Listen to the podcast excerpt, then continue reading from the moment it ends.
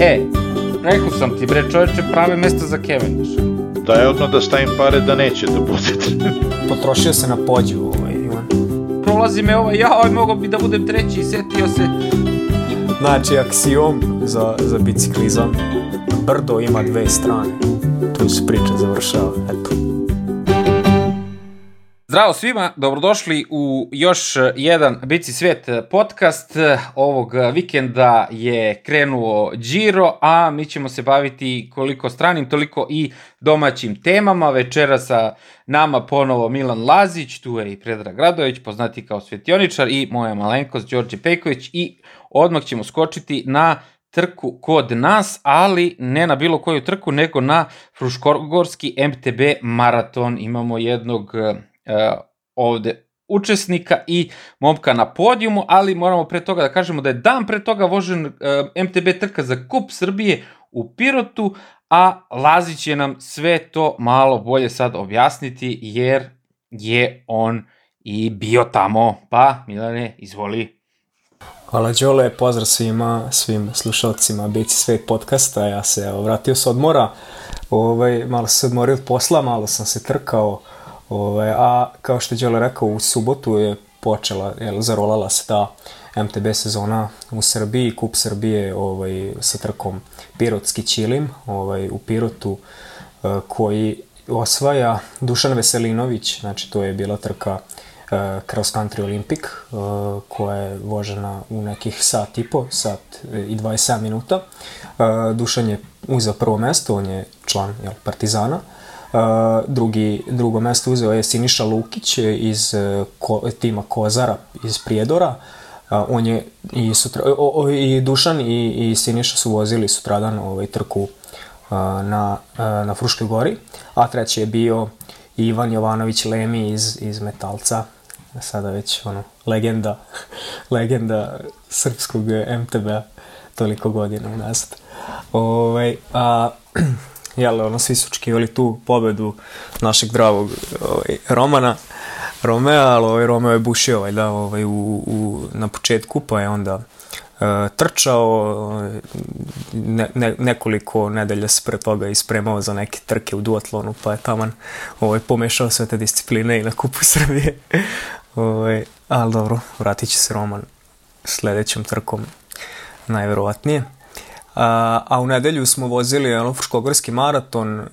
Ono, ja sam lično očekivao da će tu biti malo, malo bolja konkurencija, malo, malo, malo više takmičara, ali verovatno je i ova trka u Pirotu Ovaj, zbog nje je dosta manje bilo takmičara, iako su određeni, određeni takmičari čak uložili ogroman napor da idu u subotu u Pirot iz svog nekog mesta u Srbiji, onda ili u Bosni, kao ovaj momak iz, iz Prijedora, i onda dolazili u Novi Sad sutradan, što, što, što ih je dosta ovaj, umorilo pred, pred, samu, pred sam start maratona. Fruškogorski maraton, šta reći ono u toj trci, uh, jedan od, jedna od kultnih trka ovaj, na Fruškoj gori i generalno u MTB kalendaru Srbije.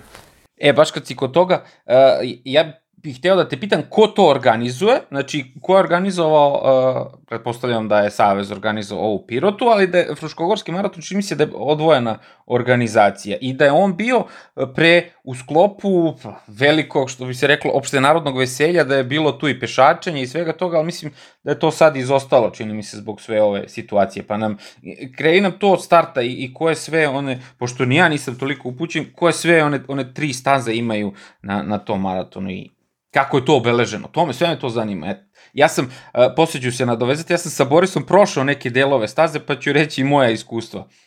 Bolje rečeno, prevrtanje na leđu. Ajde kažemo, ovaj, za tu trku subotu, ovaj, to organizovao klub Bike M iz Pirota, ovaj, zajedno sa Biciklističkim savezom Srbije. Ovaj, a što tiče jel, Fruškogorskog maratona, to već dugi niz godina, znači više od, mislim više od dve decenije, organizuje Fanatik, to je novosadski, najstari novosadski MTB klub. Ovaj, kasnije se iz Fanatika su se razvili mnogi klubovi, ono, ovaj, redom BK Novi Sad i tako dalje. Tako da Ovaj, oni, oni to organizuju dugi niz godina, već do, do samog ono, dve nedelje pred, pred maraton nije bilo poznato da li će se ovo što održati zbog ovaj, COVID restrikcija i tako dalje, ali je, ovaj, oni su uspeli u tom kratkom vremenu da, da, da ono, logistički sve obezbede. Organizovali su dobar maraton, uh, ima tu nekih sitnih zamerki ovaj, koje, koje ja ono, iz ugla tog nekog takmičarskog mogu da, mogu da stavim, ali ono, Uh, svaka trka koja se održi u ovo doba je ovaj veliki veliki uspeh za, za naš biciklizam i ono moramo je svi podržati. Uh, što tiče tih nekih kao negativnih stvari, ovaj, mogli su možda malo bolje obeležiti stazu, ajde za nas ovde. E, to mene interesuje. Znači, kako vi ne zalutate? Znači, ti, ti ne verujem da to na koliko je bilo, 70 kusur kilometara MTB-a, znači koliko ste vi vozili 4 sata i 20, 4 i 15, znači, uh, vi ste sigurno, vi iz Novog Sada, ste imali prednost u odnosu na ovog pomka što si pomenuo iz Prijedora, zato što znate stazu, prvo mislim. Pa da. Da, to. Znači, to obeležavanje. Da, ja sam, ja sam kasnije malo i, i ovaj gledao ovaj, na stravi ovaj trekove, vidio sam da su ono, takmičari sa strane ono, i na par mesta zalutali i to je sad ono, ogreman gubitak kad se trkate. Uh, staza je obeležena, ovaj, uh, ona je dobro poznata staza za sve nas ovaj, ovde, jer mi vozimo treninge na toj stazi, ono svake nedelje vozimo, znamo tačno kuda ona ide. Uh, ali čak se i nama dešava da imamo neke nedoumice usred šume gde se desi da se u, u, u jednoj godini slučajno, ne slučajno, probije se put, ne znam, za izlačenje drveća i sad ti ne znaš kod nekog drveta da li ideš levo ili desno. Baš sam pričao i sa Borisom gde je on u jednom momentu ovaj, iz doline Kestanova nije znao gde da skrene jer jednostavno nije, nije bila ovaj, dovoljno jasna markacija da treba ići levo, a ne desno. I, ovaj, a, kad, a kad ste u toj ono, punoj, punom zamahu, trkate se, a niste odavde jako lako ovaj, možete da propustite tu ovaj, trakicu koja je ono, ovaj, okačena na drvo koja označava stazu. Znači, uglavnom je obeleženo tako. To je, to je staza koja, koja e, se delimično kreće i putevima pešačkog maratona Fruškogorskog, tako da imate onu markaciju, ono srce na drvetu, rotno, mnogo ljudi već i zna to. A, ovaj, a pored toga, staza baš Fruškogorskog maratona je obeležena sa uh, najlonskim trakicama koje vise sa, sa drveća u suštini. I tako, tako možete da poznate stazu i na nekim delovima asfaltnim je obojeno farbom, i na drveću su možda neki natpisi, na nekim delovima stoje redari koji pokazuju. Uh, tako da verovatno je i malo bilo vremena da se sve to uradi, a moguće da je i njima manjka malo ljudi i volontera koji bi to, koji bi to ono, uradili na pravi način. Uh, tako da ovaj, svaka čast fanatiku što je ošte ovaj, se založio da izgura ovu trku. O, u okviru ove trke je bilo četiri trke, što je opet malo čudno, ali dobro, znači vozio se, vozilo se državno prvenstvo u ovaj, XCM ovoj disciplini, to je znači cross country maraton disciplina i tu je još jedna primetba moja, sad ja nisam dovoljno upućen ono, u odluke Saveza, ali taj, e, vozio se srednji maraton za plasman ovaj, državnog prvenstva, a pored srednjeg ima i veliki koji je za 20 km duži i mali koji je za nekih 15 km ovaj, kraći od srednjeg maratona. Ovaj, a, I onda su neki takmičari ovaj, prinuđeni bili da voze tu srednju stazu maratona eh, da bi, da bi bili ovaj, u plasmanu državnog prvenstva, a nas, ono, ostale koje, koje nije baš bilo mnogo briga za, za, za plasman u, na državnom prvenstvu, mi smo vozili veliki maraton i tu smo izgubili deo konkurencije, ovaj, baš zato što, je, što su se neki opredelili za taj srednji vi ste vozili ovaj muški, ono što se kaže, ono, ovaj za... Pa da. da, da kažem, koje su kilometraže? Za odrasle. O, za odrasle, da. bio ovaj baby od 30 km, pa je bio ovaj kao za ove školarce od 50 i onda za ove, što kaže Predrag, za odrasle od, koliko, 70, 75, ne, znači to je ozbiljna kilometraža za, za, za mountain bike, pogotovo kad se uzme da je to, nema praktično metar ravnog. Tu su ovaj, e, mislim da tu najviš, naj, naj, ono, naj, najjasniji indikator težine je ta visinska razlika, odnosno elevacija.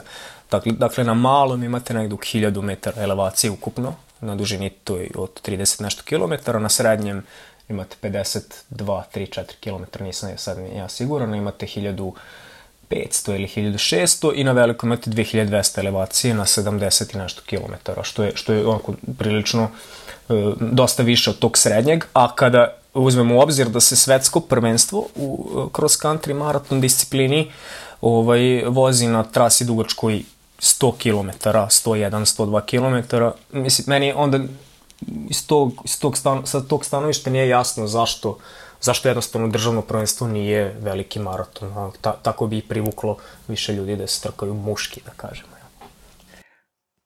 Da, reda veličine, da kažemo da etapa, ona etapa na turu koja je ubica, ima 4000 metara penjenja i jedno 200 km bude dugačka, 170, 200 bude. A znači vi ste imali praktično uh, pola od toga u trećinu te praktično dužine, možda čak i četvrtinu, znači nekad etape idu to, znači, znači sabijeno vam je ono, bukvalno sve na, ono, gore dole samo, s jedne strane na drugu da. stranu Fruške gore, nema tu meta ravno možda po... Ovo baš kao na, što se na drumu vozi po asfaltu uglavnom, a oni voze po kamenjaru gore dole, proš, ono, između drveća i ne znam kako već sve izgleda ona staza. Da, karakteristika, karakteristika Fruškogorskog maratona i ono, u, generalno Fruške gore je da ona nije toliko zahtevna što se tiče podloge, ono, a kada je, zavi, u, stvari, u stvari zavisi dosta od vremena. O, imali smo sreću da ove, ove godine staza bude dosta brza, jer je kiša padala u petak, ali nije dovoljno pokvasila da bude onako lepljivo blato, nego je bilo, o, bilo je hard pack, što se kaže, moglo je da se vozi ovaj, pun gas i uzbrdo nizbrdo. Ovaj, tako da, e, kada, kada, je ta, kad su takvi uslovi, Fruška Gora je super za vožnju. Ima dosta onako zakucavanja delova po 20, po 25% ovaj, koji se voze nekoliko stotina metara, što, što je dosta onako iscrpljujuće. Uh, ali... E, čekaj, da. izvini, moram da se ubacim kad si tu. Ja sam vikend pre toga, u stvari dva vikenda pre toga sa Borisom ob, uh, vozio malo stazu. Stigli su nas i ovi momci iz, iz Invicte, pa smo se tu nešto malo jurili. Uh, Biće to u, u mojoj narednoj epizodi Uh, nadam se dnevnika samo kontrole, samo da, iz, da izmontiram. I onda me Boris proveo, pošto ja nikad nisam vozio mount bike na Fruškoj gori, samo sam vozio tu drum, gore greben i sve ovo. I onda me on proveo, proveo na baš tim neki, na, uh, par nekih tih zakucavanja. I sad kao, ti vidiš ono, moje iskustvo drumaša, znači na stazi za MTB uh, Fruškogorski maraton. I sad kao vidiš, kaže Boris, ajde ovde, ovo ti je staza za kao, okej, okay, vidiš ono brdo neko, znaš, ono, kao sad ću ja tu da izletim, aha. I ko, vidiš Borisa koji je ono ko mačka, tuf, tuf, tuf, tuf, gore, i ja dođem i na pola, brate, ja krećem da padam unazad, na leđa. I, I kao, da se ne bi razbio na leđa, bolje padnem na stranu, ono kao.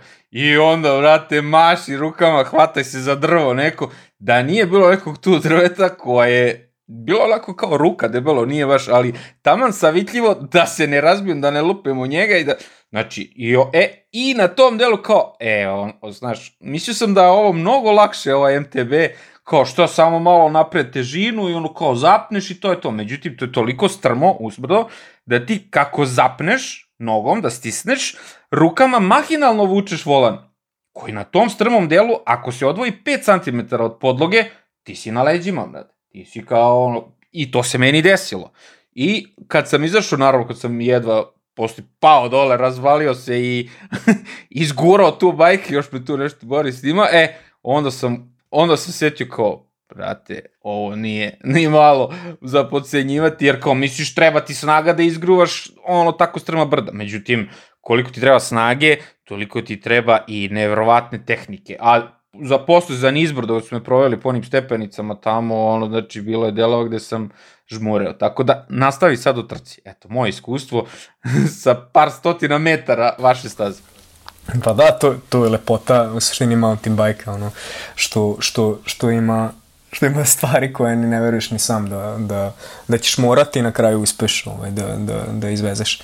Uh, što se tiče same trke, ono na tom, na srednjem maratonu, ovaj, opet je pobedu uzeo kao i prethodni dan na toj trci Dule Veselinović. Uh, on se trkao tu sa Trkuljom, on je, on je uzeo drugo mesto. Treba napomenuti da je Nikola ovaj, tek, tek počeo da vozi mountain bike pre nekoliko meseci, ali izuzetno jak vozač i ovaj, to je dokazao sa drugim, drugim mestom na, na podijum. Pričamo o srednjem maratonu koji se bodovao za, za državno prvenstvo e, i e, čini mi se da je treći bio Jovan Divnić, isto iz Partizana, ovaj, iz, iz Šida.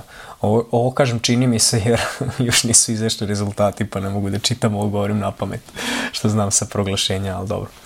E, što tiče velikog maratona, tu smo strkali ono nas, koliko 11 ili 10-11, ovaj, Boris, Boris Popović ovaj, iz Recyclinga, koji je ovaj, tu i predsednik kluba i vlasnik i direktor i sve, ovaj, osvaja prvo mesto, ovaj, ja sam tu bio drugi, e, iza njega možda dva i po tri minuta, ne znam tačno, ovaj, a treći je bio... Ali kako? Reci nam kako. Nikola. Nikola Mihaljčić je bio treći. A kako? Kako? Pa trka bila super zanimljiva, ovaj, jel, slao sam ja vama one snim, snimke sa starta, ovaj, možete to pronaći ovaj, negde na Facebooku, ne znam, na, mo, možemo i staviti u, u description ovaj, podcasta.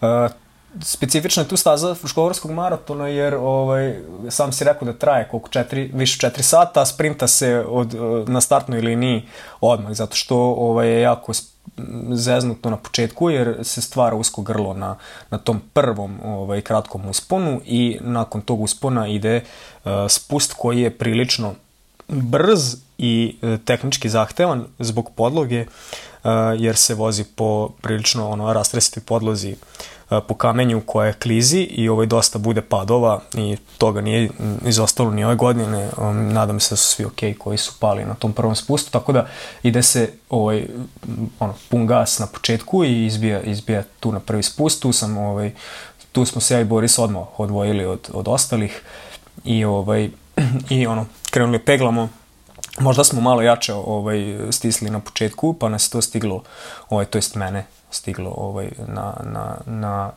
u četvrtom satu. Uh, ja sam tu odvojio prvom delu trke od Borisa, bio sam mu možda negde minut, pola minuta, pa minut, pa čak i, ja mislim, najviše dva minuta ispred njega, do negde polovine trke, onda sam osetio da moram da usporim, ovaj, jer su već krenuli grčevi, ovaj, zbog ono manjka i treninga i svega, ovaj, i onda, onda je on mene sustigao, pa smo zajedno vozili jedan deo, pa je on onda na, na jednom spustu meni otišao kad sam ja bio u, u ono nekoj velikoj krizi i psihičkoj i fizičkoj, a se nekako poravio i stignem ga ovaj, na, na, na poslednjem brdu, tom poslednjem velikom usponu na, na crveni čot.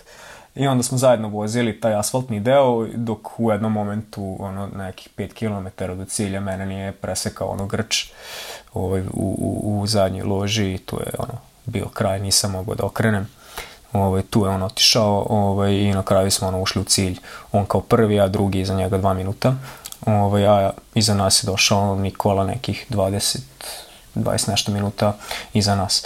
Ovaj, tako da super, super smo se družili u suštini u ovoj šumi, ja, ja volim taj osjećaj, ne, ne bavim se ja sad biciklizmom ovaj, toliko ozbiljno da, da bi se satrkao sa ovim najjačim momcima ovaj, kod nas, ali taj osjećaj ovaj, da stavite broj na bicikli mi je nedostaje ono, prethodne godinu i po dana jer, jer nije, bilo, nije bilo prilike za to. Znači, bilo je na kraju od strane Bokija Laziću Eat my dust. Zato što su pa da. tebe uhvatili grčevi jer si išao na odmor pripreme pa si vozio. Nisi, u stvari nisi napravio visinske pripreme, išli si na more, čoče, na, nulu, a, a Fruška gora tamo, ono, koja je nenormalne visine. Pa ali ja sam Đole išao na nulu, od nule sam penio lovćen na hiljadu, na hiljadu A, e, dobro. Tako da sam ipak išao. Bio si na pripremu. A sam zato bio umoran od toga. nekome je život stvarno maćeha. Ja kad krenem u plastenik, nikome ne pošalje na Maldive malo na pripreme. A ti, Nije tamo, a ti tave... ideš na Proškogorski maraton i cap u Crnu Goru ide malo na more, pa ću da se vozikam do Lovćana. Jes, može, baš, baš mi te žao. Evo, ne može predraže. Nije ta vegetacija na Maldivima ista kao u Pančevu. Tako da... Neka, nekako bi to preživeo, nekako bi se valjda snašao. Ajde, kad već nema nešto bolje, ajde. E, dobro. Hvala Laziću za ovaj uh, izveštaj o MTB-u. Uh, možda ćemo, uh, ne znam da li će Boris stići da nam pošalje uh, njegovo viđenje stvari, pošto je ono što reče Lazić i vodi klub i ima radnju i juri i deca i sve šta, i, šta ima i onog ljubkog psa. Je, tako da njegov dan kad bi trajao 30 sati ne bi bilo dosta. Uh, Jel imaš još nešto da dodaš na ovaj? Pa ne, ja samo da mu čestitam, ono, ono. Sad, sad, ovo je za njegove standarde, ovaj, nije neko trkanje, jer ono, Bok je bio šampion ovaj, Srbije i Crne Gore i, i više navrata i trkao se sa Đukom, ono, ranije, klali su se konstantno i ovaj, tako da o, o, on je sad već na, na, na, u nekom drugom tripu što se tiče vožnje. Uh, i dalje pobeđuje, tako da je ono, i dalje jak ko zemlja bez, bez nekih ovaj, sati treninga, tako da mu svaka čast. A hteo sam samo da kažem da kad smo već ajde kod, kod mountain bike-a da pomenemo i ovaj, ovaj svetski, svetski ovaj, kup ovaj, u, u cross country disciplini. E, pa mi je Đole tu na, na pripremi podcasta rekao da bi mogao da pojasni malo ovaj, za sve šta, šta, čemu se tu radi, jer sad smo videli da dosta ove publike koje prati drumske trke se zanima za, za cross country i mislim prvo za ciklocross pa i za cross country zbog ovih vozača koje gledamo na drumu, jeli mislim na uh, Toma Pitcocka i na Matthew Van Der Poola, ali ima ih i još, sad ću ih navesti koje. Ovaj, uh, nastavku.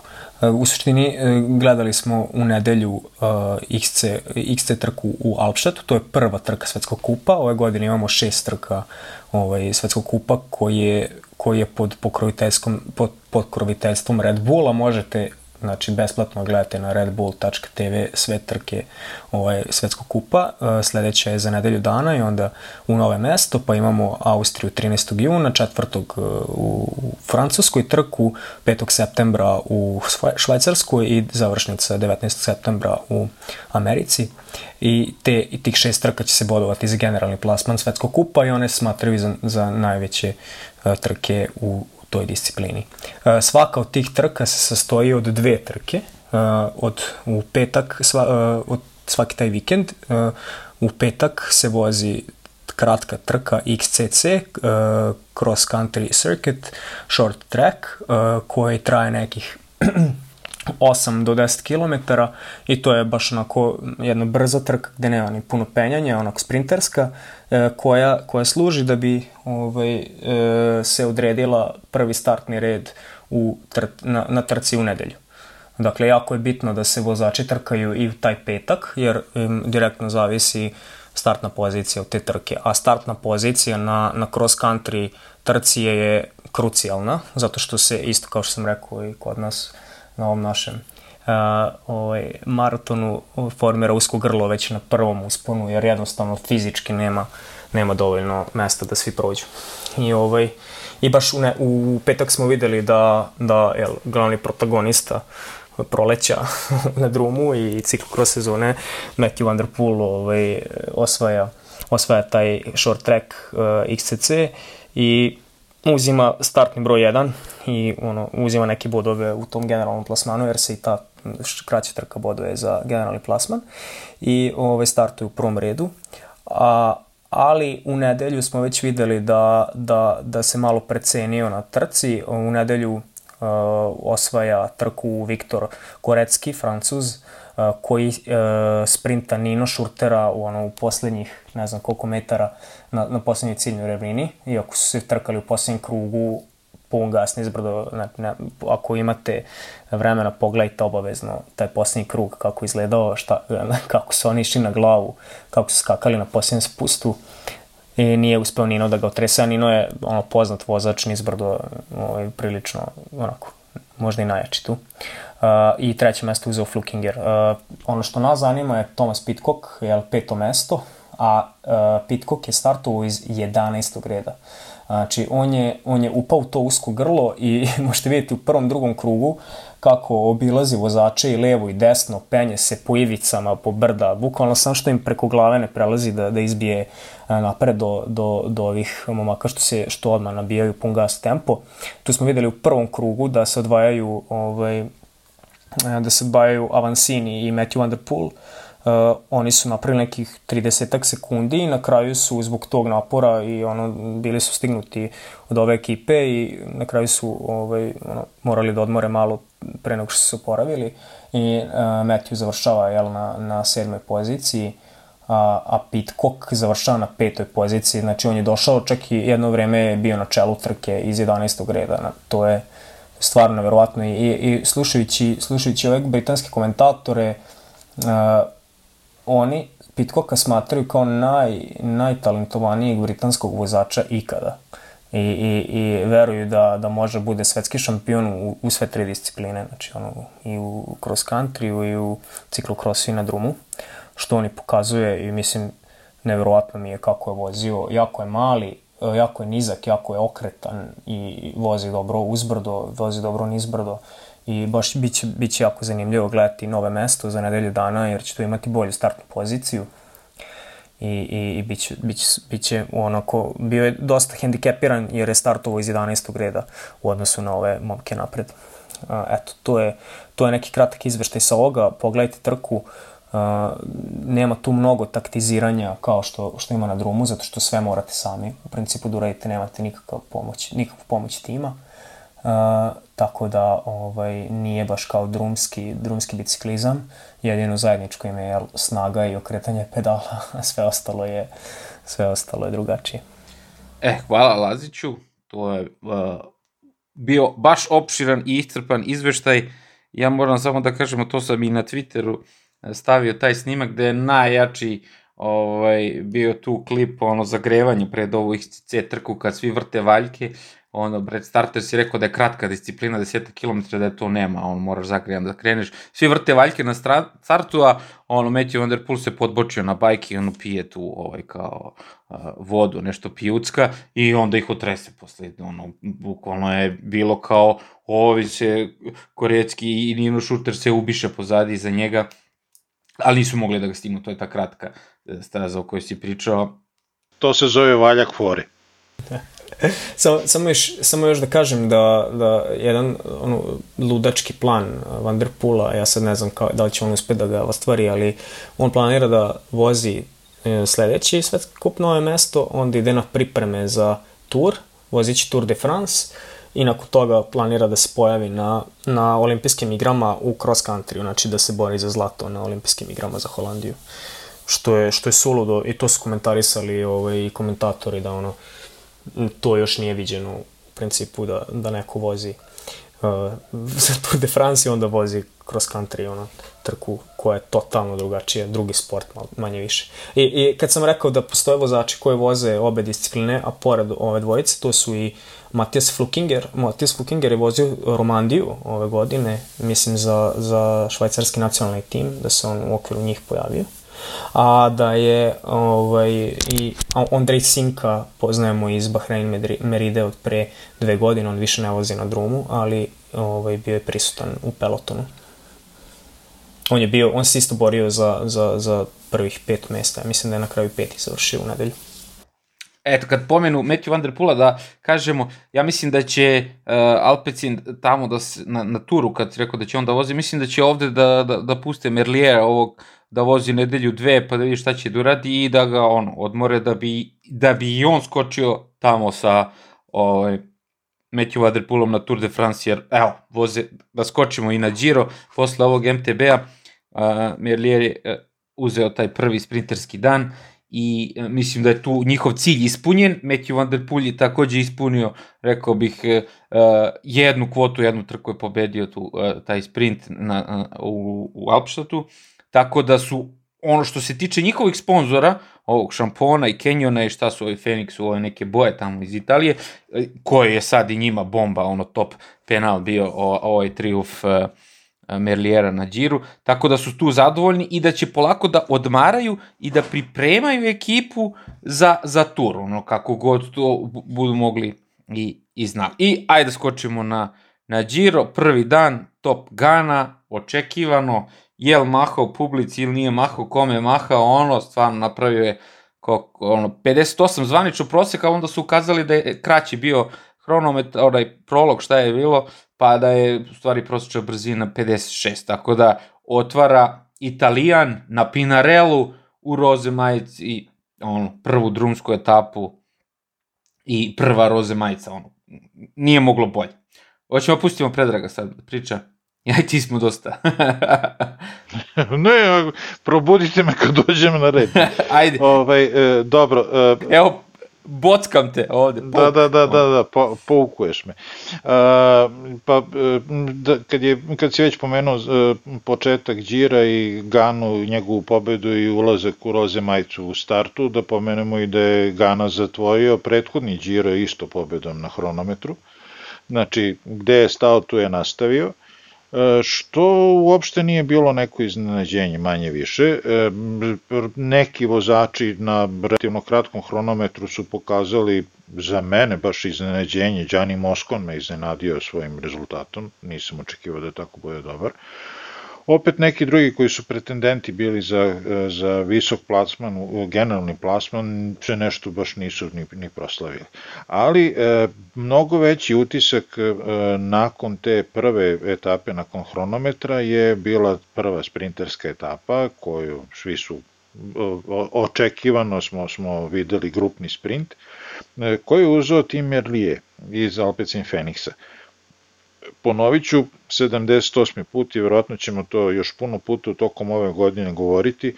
E, više nema malih timova, više nema da, da, ne, da ne ispadnemo ove maliciozno, nema malih vozača, nema nepoznatih vozača, svaka trka, svaka etapa, svaki cilj je prilika za sve.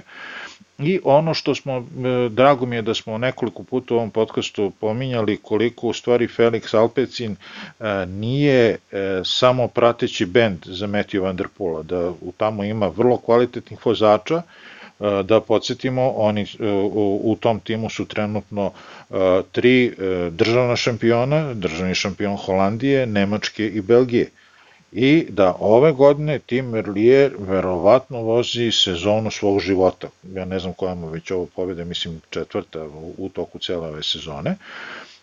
Opet sa druge strane imali smo prilike da vidimo i taj za mnoge čudan, a Đorđe to mislim da će najbolje objasniti šta se desilo Gaviri i zašto je Gavirija na kraju završio u ogradi srećom bez većih posledica, bez teže povrede, praktično je ispalo da ga blokira njegov vozač. Pa kaži Đorđe, ti si to lepo objasnio nekoliko navrata.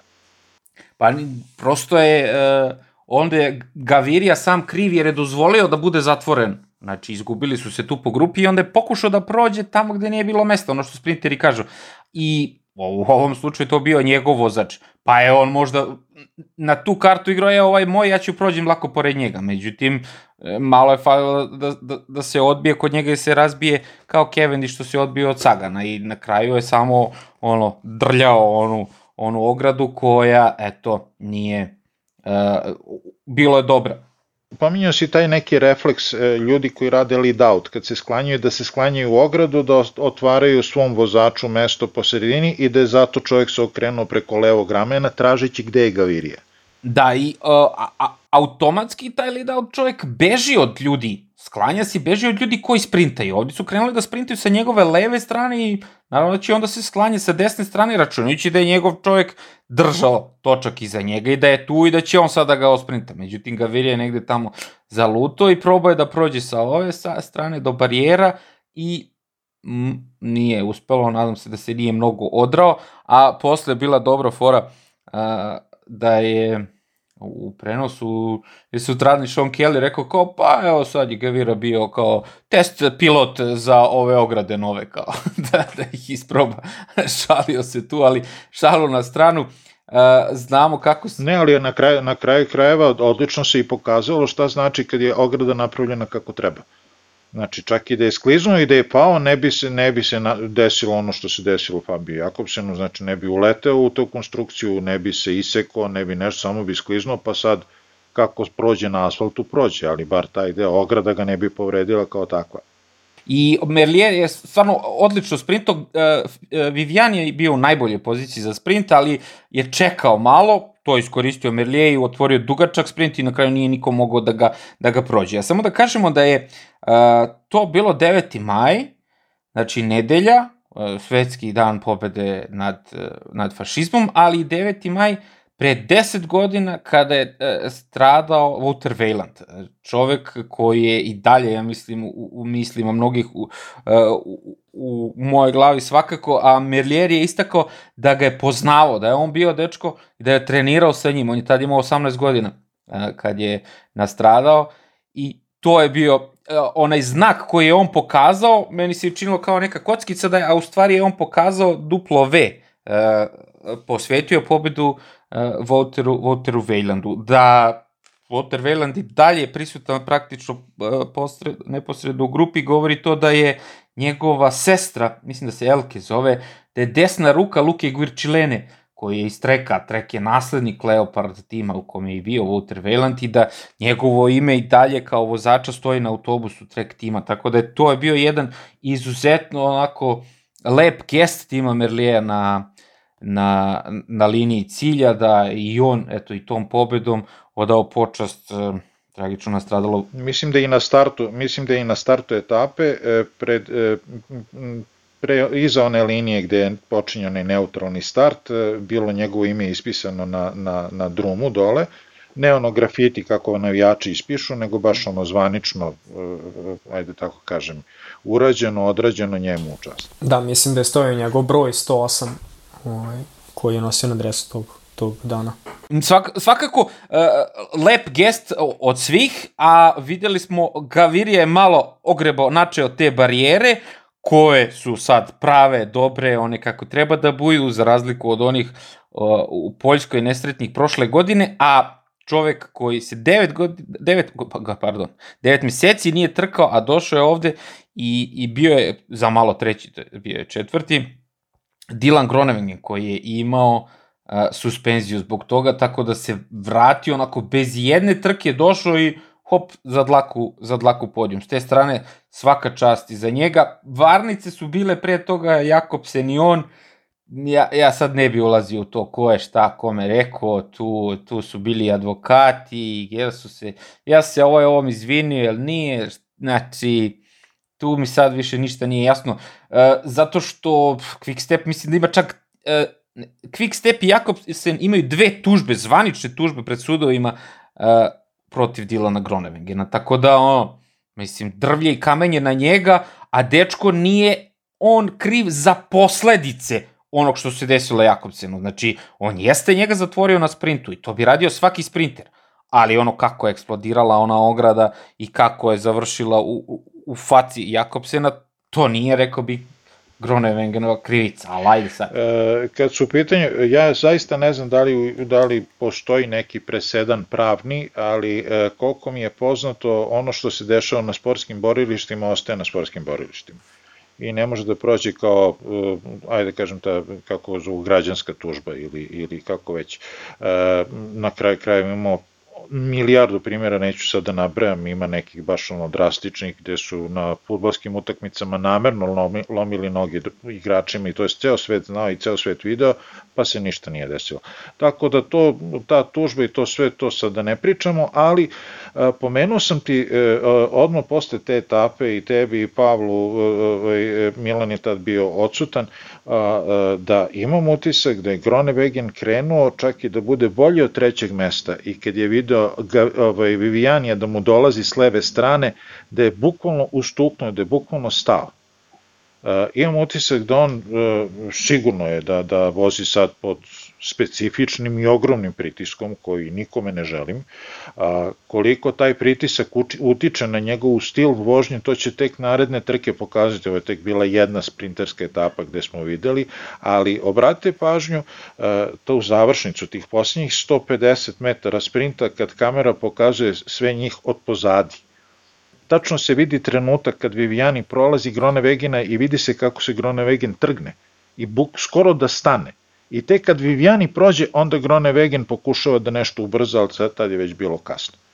Da, dobro, ja mislim da je on stao kad je vidio da ne može da pobedi, a onda kao prolazi me ovaj, ja, ovaj mogao bi da budem treći i setio se ne, ne, ne, ne, bilo je, pazi, bilo je, bilo je mesta da on krene da obilazi čoveka ispred sebe, ali ja verujem da u njegovoj glavi sad postoji taj strah i taj blok. Ako krenem previše, pa ga zagradim, pa se on slomi, padne, pa 300 čuda. Pitanje, znači, e, sigurno za ovih 9 meseci koliko je bio odsutan da je imao i puno ja verujem ja na kraju krajeva da sam ja neki e, glavni čovjek u nekom od takvih timova u takvoj situaciji e, pomoć psihologa Znači mora da, da bistre glave i, i, i nekih, ajde da kažem, nekih, e, e, nema vremena da razmišlja sad šta bi bilo, kad bi bilo, da li bi bilo, mora da radi ono zašto je tu. Kao što sad Fabio Jakobsen, pitanje je da li će se ikad vratiti na svoje, on sad vozi, vidi se da ima snage, vidi se da ima sve, ali on još uvek ne ulazi u taj finalni sprint gde je najveća gužva i gde, se, gde ono bude remplovanja, izbacivanja laktova i svega. Tako da do kraja godine će verovatno biti mnogo jasnija situacija, ali kažem, pogledajte taj trenutak, zaista se vidi, nekoliko puta sam gledao, stvarno se vidi trenutak kad bukvalno kao da ga neko ukoči u mestu i vide se pokret ramenima, pokret laktovima da je zastao. Verovatno od nekog straha ili od, od, od mogućih posledica. Laziću, ćeš nešto da kažeš ili da ti oduzmemo reč posle ovog iscrpnog izveštaja o MTB-u? pa ne, mislim, bilo mi je ovaj, malo mi je smiješno bilo Gavirije, ono, kako se nervira kad, kad je legao u barijere, ali mislim da može bude srećan što se nije više razbio. Mislim, nje, mislim da je možda čak i njegova greška što nije dobro procenio gde će mu otići ovaj, timski kolega. Nekako mi je uh, logično bilo kada je, kada je on radio lead out i kada je stao uh, da mm, ne znam, u stvari, mislim, on je video da, da mu sa, da sa, sa leve strane dolaze sprinteri, nekako očekivao da će svi biti tu, nije očekivao da će njegov, ovaj, da će Gavirije doći sa, sa deset strane, pa je on mahinalno krenuo, krenuo tu ka, ka barijeri. Ne vidim to kao njegovu neku grešku uh, krucijalnu. Mislim da se tu i Gavirije malo prevario. Ali eto, splet okolnosti i, i, i to je to. A Merlije pokazuje da, da je odličan sprinter. Znači, on nije, mislim da iza njega ni Colo nije imao šanse da ga osprinta nikako. Znači, vrlo rano je otvorio sprint, mislim, Merlije. 250 metara, možda čak i bilo dve, malo manje. I ovaj, niko tu iz Avetrije nije mogao da proveri na kraju ono bicikl prednosti pobeda čista kao suza. Vidjet ćemo ostale ove etape. Uh, Ona, mislim da je sutra već a, prilika, da, sutra je već etapa za sprintere i ja tu očekujem isto onu belju pobedu Merlija. Videli smo da, da, ima, da ima ok timske kolege, da tu m, Dries de Bont super, super ovaj, radi posao za, za njega. Tako da, očekujem da, da, da on... Dries de Bond, da pomenemo samo da je Dries de Bond aktuelni šampion Belgije u biciklu. Tako je, da. Znači, baš imaju ekipu, ekipu. A, samo da pomenem da u jednoj fantasy igri imam kao jednog od sprintera ovaj, Keleba Joana koji mi je trenutno donao nula bodova. Ništa, piši mu, piši mu Koga tamo nema, odmah. koji je došao. Fan klub. da znaš, ima. Loto Sudal. Dođe mi 200, dođe mi 200 bodova dužan. Eto, e, potrošio se na pođu ovaj, Ivan. Da, da, da, da, da, biće da je. Biće. Hoćemo na treću etapu, na treću etapu koja je E, tu si trebao da čuvaš ovu tvoju rečenicu od pre, ono, znaš, mislim, potrošio si uzalud malo pre, nema malih timova, nema malih vozača. Pa ne, e, vidi, tu, ali to imam drugu rečenicu koju cijelo dan mislim, montam o, montam o tome. Ja sam malo brzo opreto kad se, des, kad se završila treća etapa, objavio tweet u kome sam napravio jednu kardinalnu grešku, ono što bi se reklo povreda pravila igre. E, ja još uvek ne mogu da u svojoj glavi ubacim da je Intermarš, Venti, Jober, Matero ili kako se već čita ova poslednja reč, da je to sad World Team, da nije e, Pro Continental Team.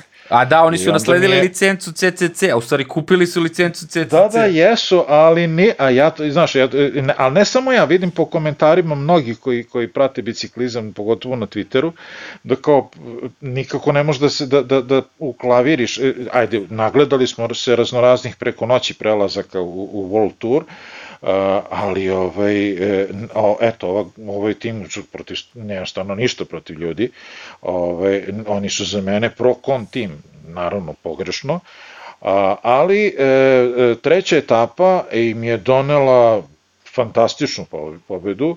Van der Horn je posle 190 koliko kilometara je trajala etapa, je pobedio iz Bega, i e, tu kapa dole, znači bez jedne, bez jedne trunke zamerke, e, stvarno su napravili potpuno iznenađenje na kraju krajeva, o, kad, ako zanemarimo o, prvo mesto Gane na hronometru koje je cela planeta očekivala, Svi drugi rezultati koje imamo prilike da vidimo ovih dana su potpuno iznenađenje. Ja verujem da niko osim najbliže rodbine ono, u šali nije pomislio ko će da pobedi prvi sprint i ko će da pobedi treću etapu. A, ono što a, ne razumem u vezi treće etape, to je, to je nek, ja ne znam šta je Bora radila tu treću etapu. Znači, e, oni su iz nekog razloga procenili da tih nekoliko uspona koji su bili na trećoj etapi će da pokida grupu ako oni izađu napred i vuku za Sagana, ono da otrese sprintere na, vrdima, na, na brdima, a onda da na vrdu pobedi brdaša u sprintu. A, to očigledno nije radilo, to se videlo već posle pola etape, jer što, koje god brdo da su prelazili, svi su prelazili zajedno s njim. Osim onih klasičnih, baš ono, ovaj, Caleb Ewan je odustao od toga, ostao u grupetu, mislim da i ovaj, Grone Vegen to isto uradio, svi ostali sprinteri su i sve ostale ekipe su barabar s njima išli i oni su bukvalno prevukli celu etapu za sve. Ja mislim da je Bora tu pred kraj kontrolisala tempo za Sagana taman da izađu na čelo, da, da ne može neko drugi da izađe mesto njih i da ne otrese Sagana, a pritom su ono otresli te te malo slabije brdaše. Videli smo da... To nisu ih tresli, oni su sami od sebe odustali, nisu a, nešto... Mislim da, Sagan, da, da je Sagan, tu se nije ni on dobro osjećao i da su oni morali da koriguju tu tempo i da su možda ih usporili na, na čelu. Videli smo da ono ne izgleda dobro uopšte Gavirija njemu na točku. Tu, tu mi je već izgledalo da Sagan nema šanse za tu etapu. Pa prvo i osnovno nije nikakva tajna, to je celu karijeru ga prati, Saga ne, vozi, ne voli da vozi po hladnom i kišnom vremenu. Znači on bukvalno, ne znam da li je ikad pobedio po kišovitom i hladnom danu.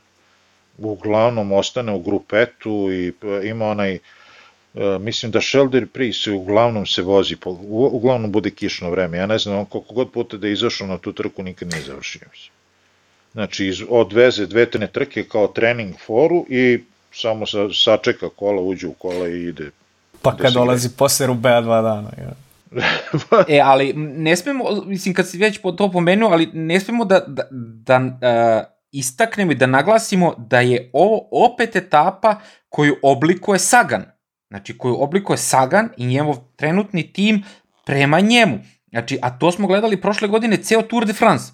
Znači, vuku, vuku, vuku, prevukli su ceo tur na svakoj toj etapi koja nije bila u visokim planinama, su oni vukli po ceo dan do poslednjeg onog dana i ganjanja Sagana sa Benetom, oni su uticali na razvoj situacije, vedrili, oblačili, nije se prošle godine na turu uh, ništa odvijalo u njihovu korist, nije ni ova etapa prošla u njihovu korist, ali definitivno su uticali mnogo na razvoj situacije i tu stvarno kapa dole za, za Sagana, iako on ne pobeđuje, on je i dalje, svima ja mislim jasno koliko je dobar jak vozač, ali ova ekipa Bore nije uigrana, tu su ovi koliko, četiri mlada italijana, Buhman i Gross Shatner koji su za generalni i Sagan tu koji je bačen s njima, aj pa, aj sna, snađite se. Pa jedino, jedino Daniel Os, jedino Daniel Os koji čovjek zna šta treba da radi, kad treba da radi i kako Da, znači da bukvalno tri, Ovi ostali... tri klana, znači mladi italijani, Sagan i Os kao stare kajle i ovaj Buhman koji je ono čovjek, dečko, stidan i prestidan i, i njegov čovjek, znači dva čoveka iz nemačkog govornog područja je boring tim, znači ovaj Austrijanac i Bukman koji idu na generalni kao, ja ne znam šta je njemu u glavi, da li ono kao, brate, opet ovi moji će da kidaju ceo dan i opet Saga neće ništa da uradi, ono, znaš. I na kraju, ajde da kažemo, pobedio tako Van der Horn, dečko, znači, proslavio se prošle godine u Jumbo Vismi, uh, kad je skočio ono malom Simonu Pelo, onom švajcarcu, I kad je krenuo da gazi na onih 9 km do cilja, meni, i, i ja uopšte nisam uključivao, kao, a, uhvatit ih, ono, znaš, šta je ovo, brate, hvata ovo grupa, teška etapa, nema šanse. Međutim, kad je on skočio, kad je roknuo ovo malo na 9 km i kad je ovaj rastavio se sa dušom da ubrza 1 metar da spoji i nije uspeo, I kad je ovaj krenuo da gazi, ono, gledaš 33 sekunde na 3 km, ja sećam dok sam komentarisao, ono kao, 10 sekundi po kilometru, kao, skida grupa, kao, u čoveče, ovo može da bude, znaš, ali, znaš, tih 3, 3 km večnost, još kad je bilo na 6 km, bilo ono brdo do cilja neko i kad se tu on iščupao, a zavario neki prenos tu na, na, na osovini, vozi, znaš, Ko, brate, ali ova ide. Je... Ide levo, desno, čupale rukama. I, i, I čovjek dođe, ej, pobedi čovjek, znači ono, pred koliko godinu, dve nije imao tim, znači, ono, a, kaže da je išao na trke prethodnih godina u nekom onom VW a, kombiju, onom hipi kombiju, raspadnutom nekom, ono, kao pre nego što je bio u, što je došao malo ozbiljni tim, pošto je bio pre, prethodne dve godine Jumbo Vismi, da je putovao ono kao hipi na trke, ono kao, eto, čisto zabave radi. I ali da je ozbiljan radnik, što se naravno i videlo sad kad je on gazio, kad je ovakvoj grupi dao ono koliko vremena, ne znam, sekundi, bilo je tu četiri kao zvanično, ali dok je on proslavio, dok nije mogo, dok, dok je, što kažu, što kažu mladi, dok je izneverovao na kraju. e, ne, pa posljednjih 50 metara Maltani nije okretao pedale, po inerciji se kretao, radovo se čovek, mislim, što jest, jest, ima, ima puno pravo i, i meni je uvek divno kogod da pobedi, kad pobedi iz, iz bega, to su ko tri pobede, man. A ne samo to. Svaka čast. Aj tri pobede, nego je prva pobeda za tim ove sezone, što kaže Svetioničar, nikako da isklavirimo da su World Tour tim po imenima i po budžetu nikako praktično nisu World Tour tim, ali su kupili CCC samo zahvaljujući što su, ono, dok nekom ne svrkne, dugom ne smane. Samo zato što se ovi raspali i ugasili, oni su World Tour, jer su kupili, ono. I e, prva World Tour pobeda o, od uh, pobede Gasparota 2016. na Amstelovoj zlatnoj trci. Znači, to je pet godina, čoče, oni nisu imali na ovom nivou pobedu. Znači, imali su ove neke manje profesionalne trke koje oni voze, a ovo što kaže svetioničar, ono, Intermarše, Vanti, Gober, Materio, znači oni su ono, Seramenti Dikvi Giovanni belgijskog biciklizma, ono, uh, Androni Katolik, ko što je tim Gianni Savija. ne, još gore, brate. U Italiji to su oni u, u Belgiji. Treba da nose poseban dres samo da stane ime iz koliko, četiri, četiri dela. Da, ovo Intermarše su supermarketi. Znači, oni, to je smrt, smrt za marketing i za dizajnere. Sad treba da se uklopi, da se svi jasno vide, da se vide i da se vidi još i vozač iz. Pa da, i dres... Ali dobro. I dres im je radio neki baš poznati dizajner i onda kao, koji je ubijao neke ono kao dizajner i onda kao, brate, šta ti je ovo? Znaš kao, jali, ali da smo videli verovatno njegov input koji on dobio od ovih, treba se vidi ovo, treba se vidi ovo, ono šest različitih fontova, ova boja, ona boja, uh, cube, uh, ona fluorescent, žute, kao, ma ite bre, kakav dizajn, ovo, znači, po šlepo gde je moglo da stane i to je dizajn, brate. Ja, mis, ja mislim da se već pominjao, davno sam radio nešto pa sam ovaj, čitao pravilnik Microsofta za njegove slova i za njegov, njegove simbole. O, dobro, oni nemaju klasičan simbol, imaju taj ovaj, samo tekstualni logo. Ovaj, e, e, tačno se e, za, e, tačno mora bude određene veličine za sve formate, određene veličine i određena količina praznog prostora iza, okolo, sa svih strana. Znači, ne sme ništa da bude zalepljeno za ta slova, mora bude ne znam, tačno određen razmak za određenu, za određenu veličinu.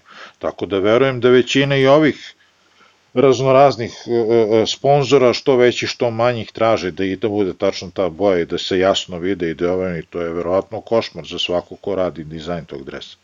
Ja sam za to da mi zovemo Babića Dragana Bakaru da dođe da nam priča o dresovima, o dizajnu, šta bi on radio s ovim dresovima, pošto vidim da on to najviše prati. Kad smo već kod dresova, ovaj, svi smo očekivali taj novi dres EFA, uh, Education First, uh, pa u principu jeste lep, ali nije toliko upadljiv, ovaj, znači lako se previde u, u, u onoj masi, u onom šarenišu pelotona. Uh, kad pomenu Babića, dizajnirat će nam ne, novi dres, naravno neku kolekciju, naranđastu, u pripremi je to, ali nikako od svih ovih tekućih obaveza koje idu da, da organizujemo kad uskočimo u dres. A, a Svetioničar pomenju Education First, ono, patak je bio bolji, ono, patak dres od prošle godine je bio bolji.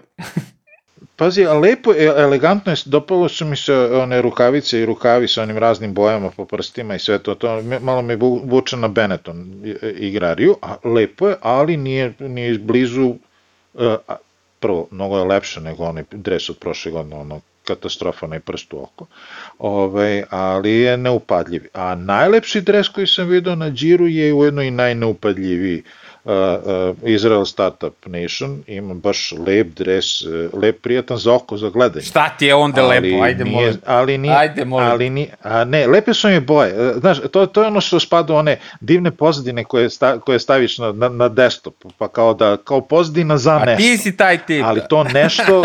Aki, Pa ja sam taj koji volim da vidim tako. Ne, što bre kičera i zašto? Ma ovo je generacijski jaz. Pa, ne, ne, ne. Ja samo, samo da upozorim ovaj, uh, uh, naše slušalce da Đorđe pije pivo dok radi podcast, znači pije alkohol na, na radnom mestu, to će bude kažnjen. I popi, stuko je šest deci. Ovo su vitamini, sveti. Ovo malo vremena. Da, da, da, da, pa jeste. Specijalna nemačka tehnologija. Dobro. Ove, današnja etapa. Etapa, taj tvoj dres je nosi roze majicu, eto, pa ti vidi. Sreća, pa neće da nosi tu mrlju. Dobro.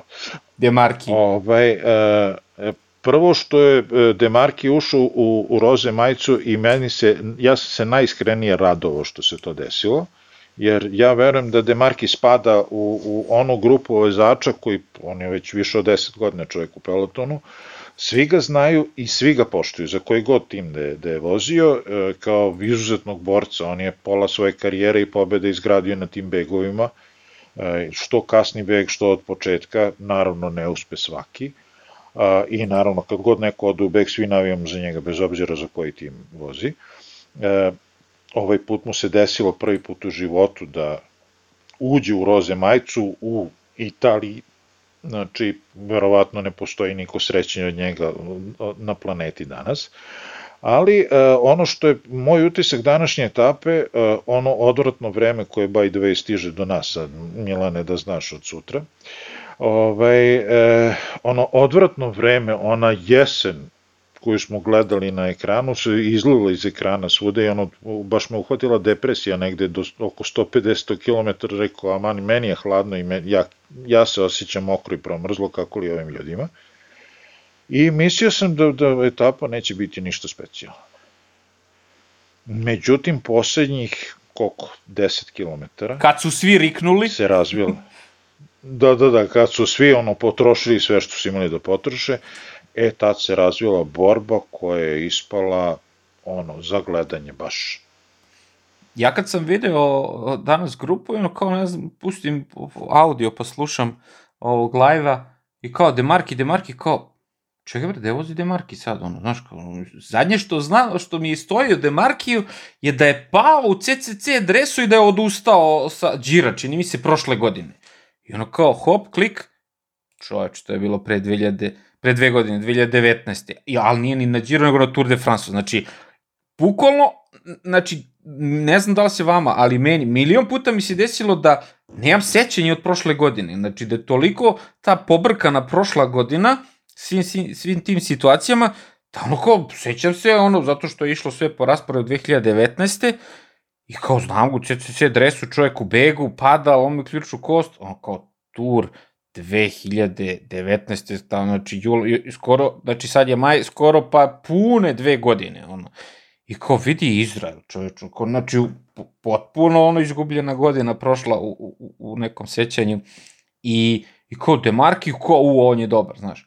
Ali ni na kraju, gledao sam posle kad sam došao, raspostao na Nemcima, kao ni na, oni uopšte nisu tu nešto, uh, izvalili da će on da uzme roze majicu. Znači oni to prenose ono ko sahranu neku. Jedino što su sad, jedina dobra stvar što su pozvali Jensa Fokta, pa on donosi tu malo života, pa zna, pa priča ono baš iz prvog lica koliko je on sad tu ovih trka pregulio i, i, i prevozao, pa zna, pa čovjek stvarno priča. Znači ovi komentatori ono kao, žali Bože izgubljenog vremena. Nemoj me čuje neko po me tamo tuže Eurosportova pobednik, pobednik Joe Dombrovski, ko bi to pretpostavio uopšte?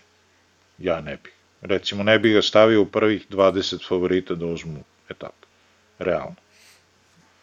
Ali je čovek vozio apsolutno, znači krenuo je u napad u pravom trenutku, spojio, prespojio, držao se iza Demarkija jedno vreme, malo se tu uštedeo, i onda kad se digo, otišao je do cilja, Bog otac nije mogo da ga stigne, srećom po Demarkija nije mogo da mu napravi preveliku razliku, Demarki je stigao nekih 12-13 sekundi iza njega, pa je to bilo dovoljno u odnosu na prethodna vremena da uđe u roze majicu, ali eto koliko se radovao Demarki, verovatno se radovao Dobro, Dobrovski, on je posljednju pobedu imao, ne znam, pre 4-5 godina, ne znam kada.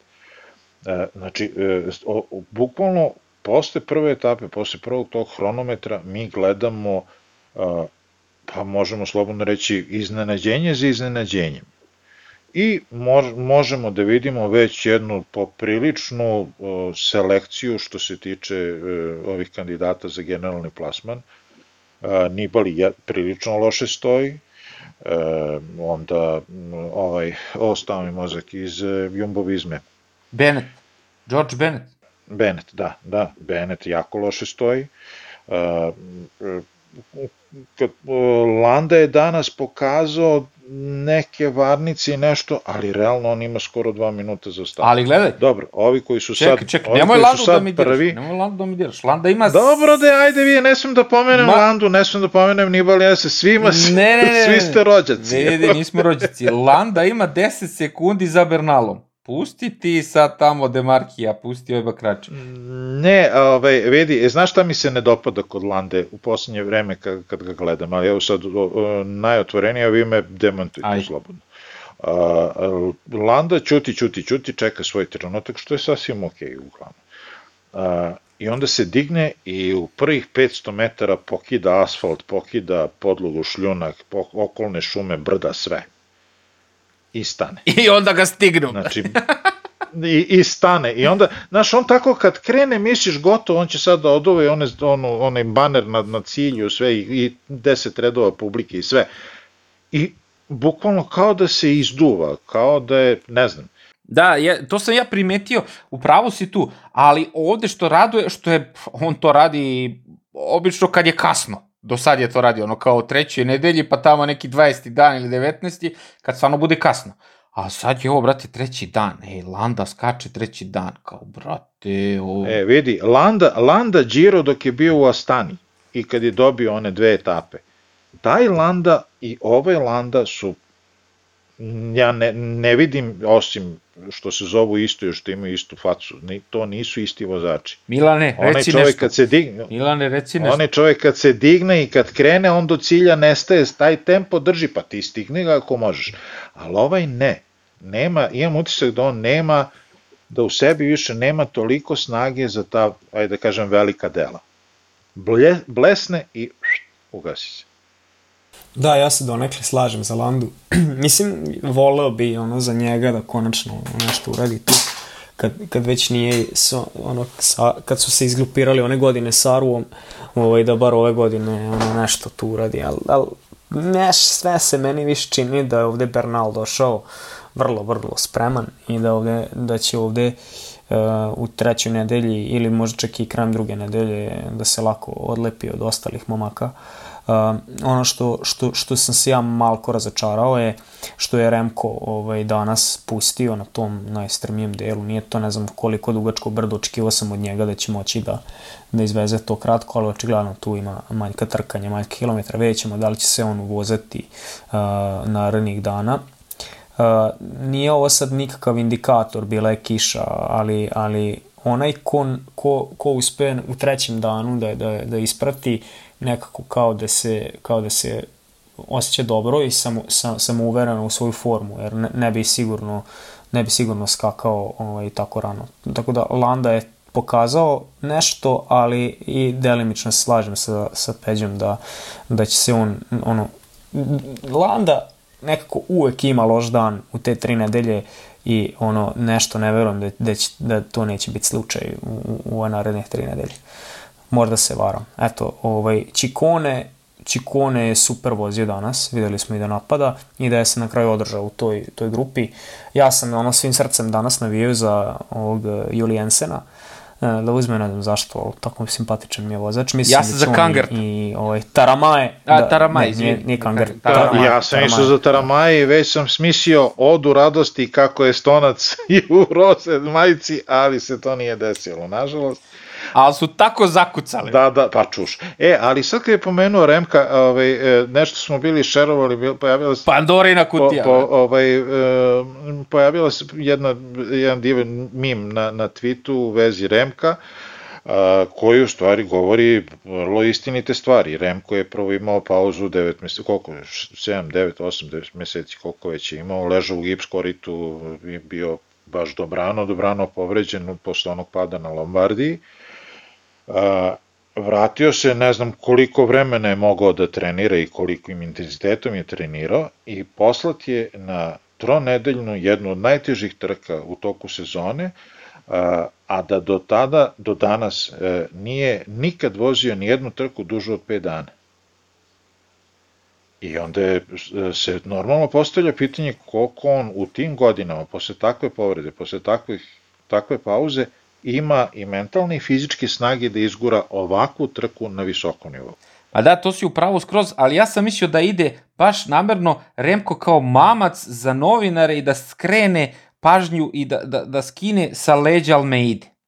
Međutim, evo, danas je ovaj e, riknuo. Da, ali Almeida je pukao 5 minuta, 4 minuta i nešto, onda je i procurala informacija da je uh, Almeida neće sledeće godine biti deo Quick Stepa, uh, nisu se nešto dogovorili, neće više nastaviti saradnju, procuralo i da Bennett više neće biti, Bennetta ću pomenuti kasnije samo kad budem rekao onih obećanih šest rečenica. Nemoj, molim te. Ovaj, a, oću. Ajde će da umrem, Evo, nemoj, ne mogu da spavam ako ne. Samo sam, sam, sam da ubacim pa ćeš onda. Ove, ove, samo bih ja da kažem, ja sam, dok sam bio u Crnoj Gori, bio sam ove, na kafi s mojim drugarom Đoletom iz Tifta. Uh, Đole je uh, veliki ono, ljubitelj biciklizma, on od prvih dana kad sam počeo pratim biciklizam, sam krenuo s njim da pričam, jako se dobro razumem u taktiku, a pritom i posljednjih par godina je u tom uh, kladioničarskom poslu, ove, radi za, za jednu veliku kladioničarsku firmu. Uh, Tako da on, on ima uvidu te kvote, kako se one kreću i tako dalje. Ovaj, I Remko, pored svega toga što ti sad rekao Peđe, on, on se kvotira kao negde treći favorit u posle Bernala, Bernala i Jejca. A kladionice, da, kladionice... Da je odno da stavim pare da neće da bude pobjeda. Znači, ni njemu, znači, Đole kaže, Đole, moj drugar, kaže da ni njemu nije jasno zbog čega je to tako, a mi ćemo to vidjeti u narednih ovaj, Pa naduvali su ga, realno su ga naduvali. Ne, re, uh, pazi, uh, uh, mo, više sam sklon tome što je, što je rekao Đorđe, naš Đorđe, da, ove, da je to dolazak Remka više marketinški potez nego stvarno neko očekivanje da se ove, da, da on napravi rezultat. Naravno, želimo svu sreću, na kraju krajeva on je uh, E, i izuzetno mlad, a već je ostavio trag u biciklizmu, da imao vrlo ozbiljne po, pobede i imao taj nesrećni pad koji ga je dugo odvojio od biciklizma i želimo od sveg, i sveg srca da se vrati, ali nešto mi se ne čini da ono jedino ako je čovek od čelika, pa sad što je, naravno svi, mi neke naše heroje kao sve mogući su i sve mogu, ali nešto mi se ne čini. Eto. Dobro, da zaokružimo u priču sa, sa konstatacijom da Remko ima 11 sekundi ovaj, iz, ispred Bernala 11 sekundi trenutno u generalnom plasmanu, pa ćemo vidjeti za dalje. A da, on je trebalo danas da uzme majicu. Znači, on je trebalo na ovoj četvrtoj etapi da uzme majicu. I to je bilo kalkulacije. Međutim, je ga zeznulo ovo vreme, što kaže Svetioničar, ovo, brate, danas bilo toliko deprimirajuće, ne znam kako su oni preživali ovo Tako da je, da je, mislim, i vreme utiče na sve to, ono, kao nije ono, isto, nije kome rečeno, nego kome je suđeno, ono, bukom. A ja ne propuštam, ja ne znam koliko sam podcasta snimio i rekao, uh, ovo isto, nemojmo, zaboravimo da je deda Nibali načepio niz brdo na Lombardi Remka, pa je ova ispravio krivinu, pa je završio u gipsanom koritu. Znači, tu su stari lisci, videli smo danas i, i probali su i nizbrdo ova trojica, dvojica su bežali ceo dan, Kangert, Juliensen, i ovaj dečko još iz Intermaršija. Znači, sad je nizbrdo i tekako deo trke na kome se može svašta uraditi. A vidjeli smo prošle godine ovo, kako se zove, onaj mali uh, ruski hrt kad izgubi dečko trku nizbrdo, te na Tour de France i sad ga više nema nigde. Ono, pao je u zab... Za Karin, bravo. Za Karin, pao u zaborav, ono, vozi sad tamo ovaj, Gazprom ti neke trke, tamo drugog ranga nema, brate, nisi iskoristio priliku nizbrdo. Da, kad je pao onaj potok na, na pretposlednje pa to kad je Kruzvik. Kad je Kruzvik slomio rebra, da, da. Da, da, da, nizbrdo, ali čekaj, ali, pa, ali pa, što je e, za mene uvek bilo ono najtužnije u priči o Zakarinu što je on pao kad je, kad je spust skoro i završio. Da. Znači, sleteo od ozgon iz onaj sneg, Izvini. gledi sve na najvećim Izvini, strminama. Izvini, Svetioniče, da ti kažem kako je nama pokojni Radoš Čubet pričao. Pred zoru se ciganče mrzne. Kad mi ono, ja li znaš, Čuki, držao sam do, do zadnje kruga. Pred zoru se ciganče mrzne. Ne, ne, ali ovo je, pazi, on je stvarno pao, sećam se scene kad leži pored onog potočića i posle se ispostavilo da je Karlicu sredio i sve, ovaj, ali to je bilo na tri stepena nagive. Lazić još nešto, pa ti šest rečenica Portugal. Znači, aksijom za, za biciklizam, ovaj, brdo ima dve strane. Tu se priča završava, eto. To je to, bravo, Laziću, tačka, ajmo Portugal, svetioničaru, izvoli. Pokloni se i početi. E, dobro. Pošto su ova dvojica lenji da prate sve trke, ja moram da radim. Mora neko da bude i ozbiljan. Ja sam odgledao skoro sve etape ovaj, e, trku Algar, Algarve u Portugalu i e, samo kratki utisi, dva utiska.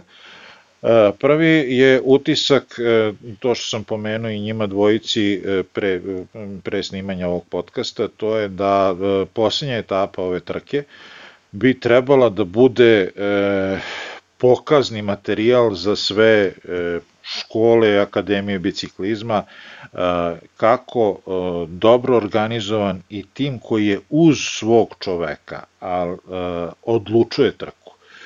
Ovu trku, ajde što je dobio lokalni čovek, Rodriguez Joao, nego je dobio kontinentalni tim V52 FS Porto, u konkurenciji gde su bili i Decuni Quick Step, gde je bio i Ineos i gde su bili drugi Volur timovi, ljudi su na današnjoj etapi koja je bila, ja svima preporučujem ako možete da pogledate na odloženo, ovaj, e, pa pogledajte posljednja 4 km, ne treba više, i samo pratite ljude u svetlo plavim majicama i vidjet ćete šta su sve uradili da svog čoveka dovedu u, na cilj u vreme koje oduzima majicu od e, mladog i novog e, Itana Hejtera koji je do sad bio, bio u, do posljednjeg minu, sekunde bio u a, e, žutoj majici, čoveka iz Ineosa, a, koji je nažalost na hronometru imao jedan poprilično ružan pad koji je očigledno ostavio posledice, danas nije mogao da se u, u tolikoj meri posveti, da, da izađe uz to brdo kako treba. To je jedan uh, utisak i drugi utisak, možda još veći, uh, to je uh, Quick Step. Quick Step je uh, poslao, pazite sad, uh, Kasper Asgrena, uh, Balerinija, uh, uh, Shane-a, uh, kako Archibald. se zove, Australijana, Archibald Shane, uh, Morkova, i e, e, svi oni su radili za jednog čoveka, za Beneta. Znači, ja ne znam da je e, ikad, da sam ikad video e, čak neke timove koji su radnije važili isključivo za sprinterske timove, da je neki tim na jednu trku, pogotovo ne na neku od ovih, ajde sad da nazovem manjih trka, da je, pos, da je poslao jači lead out za jednog čoveka. I ako ovako, ovaj, da, zaboravio sam i Fabija Jakobsena, Znači čoveka koji je isto sprinter, koji u fazi, pričali smo malo pre o njemu, koji u fazi oporavka, znači, e, ja zaista ne znam da je iko poslao jači lead out za jednog čoveka i ako sa ovakvom postavom izađu na Tour de France, bit će čudo da ne uzmu svaku etapu. Govorimo o sprinterskim etapama i ne mogu da, da, da pretpostavim pod kakvim uti, ovaj, pritiskom je Bennett kada se takav tim sklopi oko njega, da li on uopšte sme da razmišlja da ne pobedi na kraju. Ja, evo, sećam se, ne znam, Argo Shimano je vodio Degenkolba da radi lead out za Kitala. E, sigurno ima i drugih e, e, situacija gde su neki timovi pravili jake lead oute. Nikad nisam video da u, u ovaj stane pet ljudi i radi lead out za šest. To mi je ono glavni utisak i svaku, naravno svaku sprintersku etapu su odradili školski, može bukvalno da se da se uči kako se radili, ako, a naravno učiš od najboljih. E, jesam ja dobro pročitao vijest da on e, ove godine ide iz Quick Stepa na kraju sezone? Da, da, da. Da, da, da, ovaj, a, a, izašla je vest i procuralo je sad da, je, da se nisu dogovorili da je preskup, da je, su mu zahtevi preskupi i da Lefebvre neće da plaća toliko i da su se razišli već da je on verovatno u potrazi za... Lefebvre već našao novih.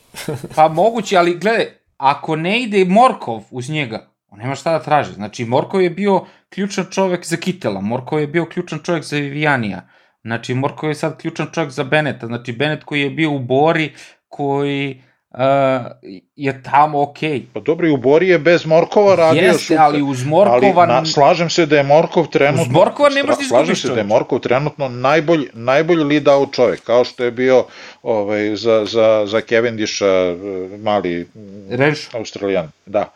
Znači, e, tako, kad, kad nađeš takvog čoveka, znači, to je ono najbolji drugi čovek. Mm. I najbolji drugi čovek koji ti donosi pobede. Samo stavi dobrog prvog čoveka i, i gledaj kako se pobeđuje. A, opet, sa druge strane, e, veliki će rez biti opet u quick stepu, znači Bennett, Hodeg i ovaj, e, Almeida od, od sledeće godine neće biti članovi Znači, malo, malo me čudi za Almeidu, momak je mlad, pokazao je veliki potencijal. E, rekao sam ti, bre, čoveče, prave mesta za Cavendish. Aj, mislim, to je jasno svima. e, da, šala, pošalica. E. Volim te doskočice, što to, ovaj, baš ti, okay, lepo ti leži, odlično ti ide. Nasme. Da, da, pivo govori, da, in pivo veritas, jeste. O, eto to je to je to je da to je to je što se tiče a, a, trke oko ovaj a, oko Algarva a, bilo je lepo za gledanje bi, lepo ih je vreme sve vreme služilo nije bilo srećom nekih incidenata osim što je hejter pao nažalost na tom kronometru. Ako ništa tamo nema kiše kola Giro da ali zna da bude vetra i vetra pošto dosta ide dosta delova etape ide uz okean gde ono baš je žestoko duva, međutim nije bilo tih problema tih vrsta, ali u svakom slučaju preporučujem posljednju etapu, posljednja 4-5 km, ako možete, odgledajte. E, ako ništa, ja preporučujem da pratite MTB i da a, uzmete da vozite po šumi, jer ovaj uvod stvarno što se Lazića tiče bio divan. I zaključak e, celog podcasta ova Lazića brdo ima dve strane. Molim zdravo doviđenja to je to. I kraj epizode. Pratite nas na društvenim mrežama, lajkujte, šerujte, e, pretplatite se na naše kanale, preporučite drugima. Ćao, nema više za ovaj podcast. Pozdrav. Hvala. Ćao.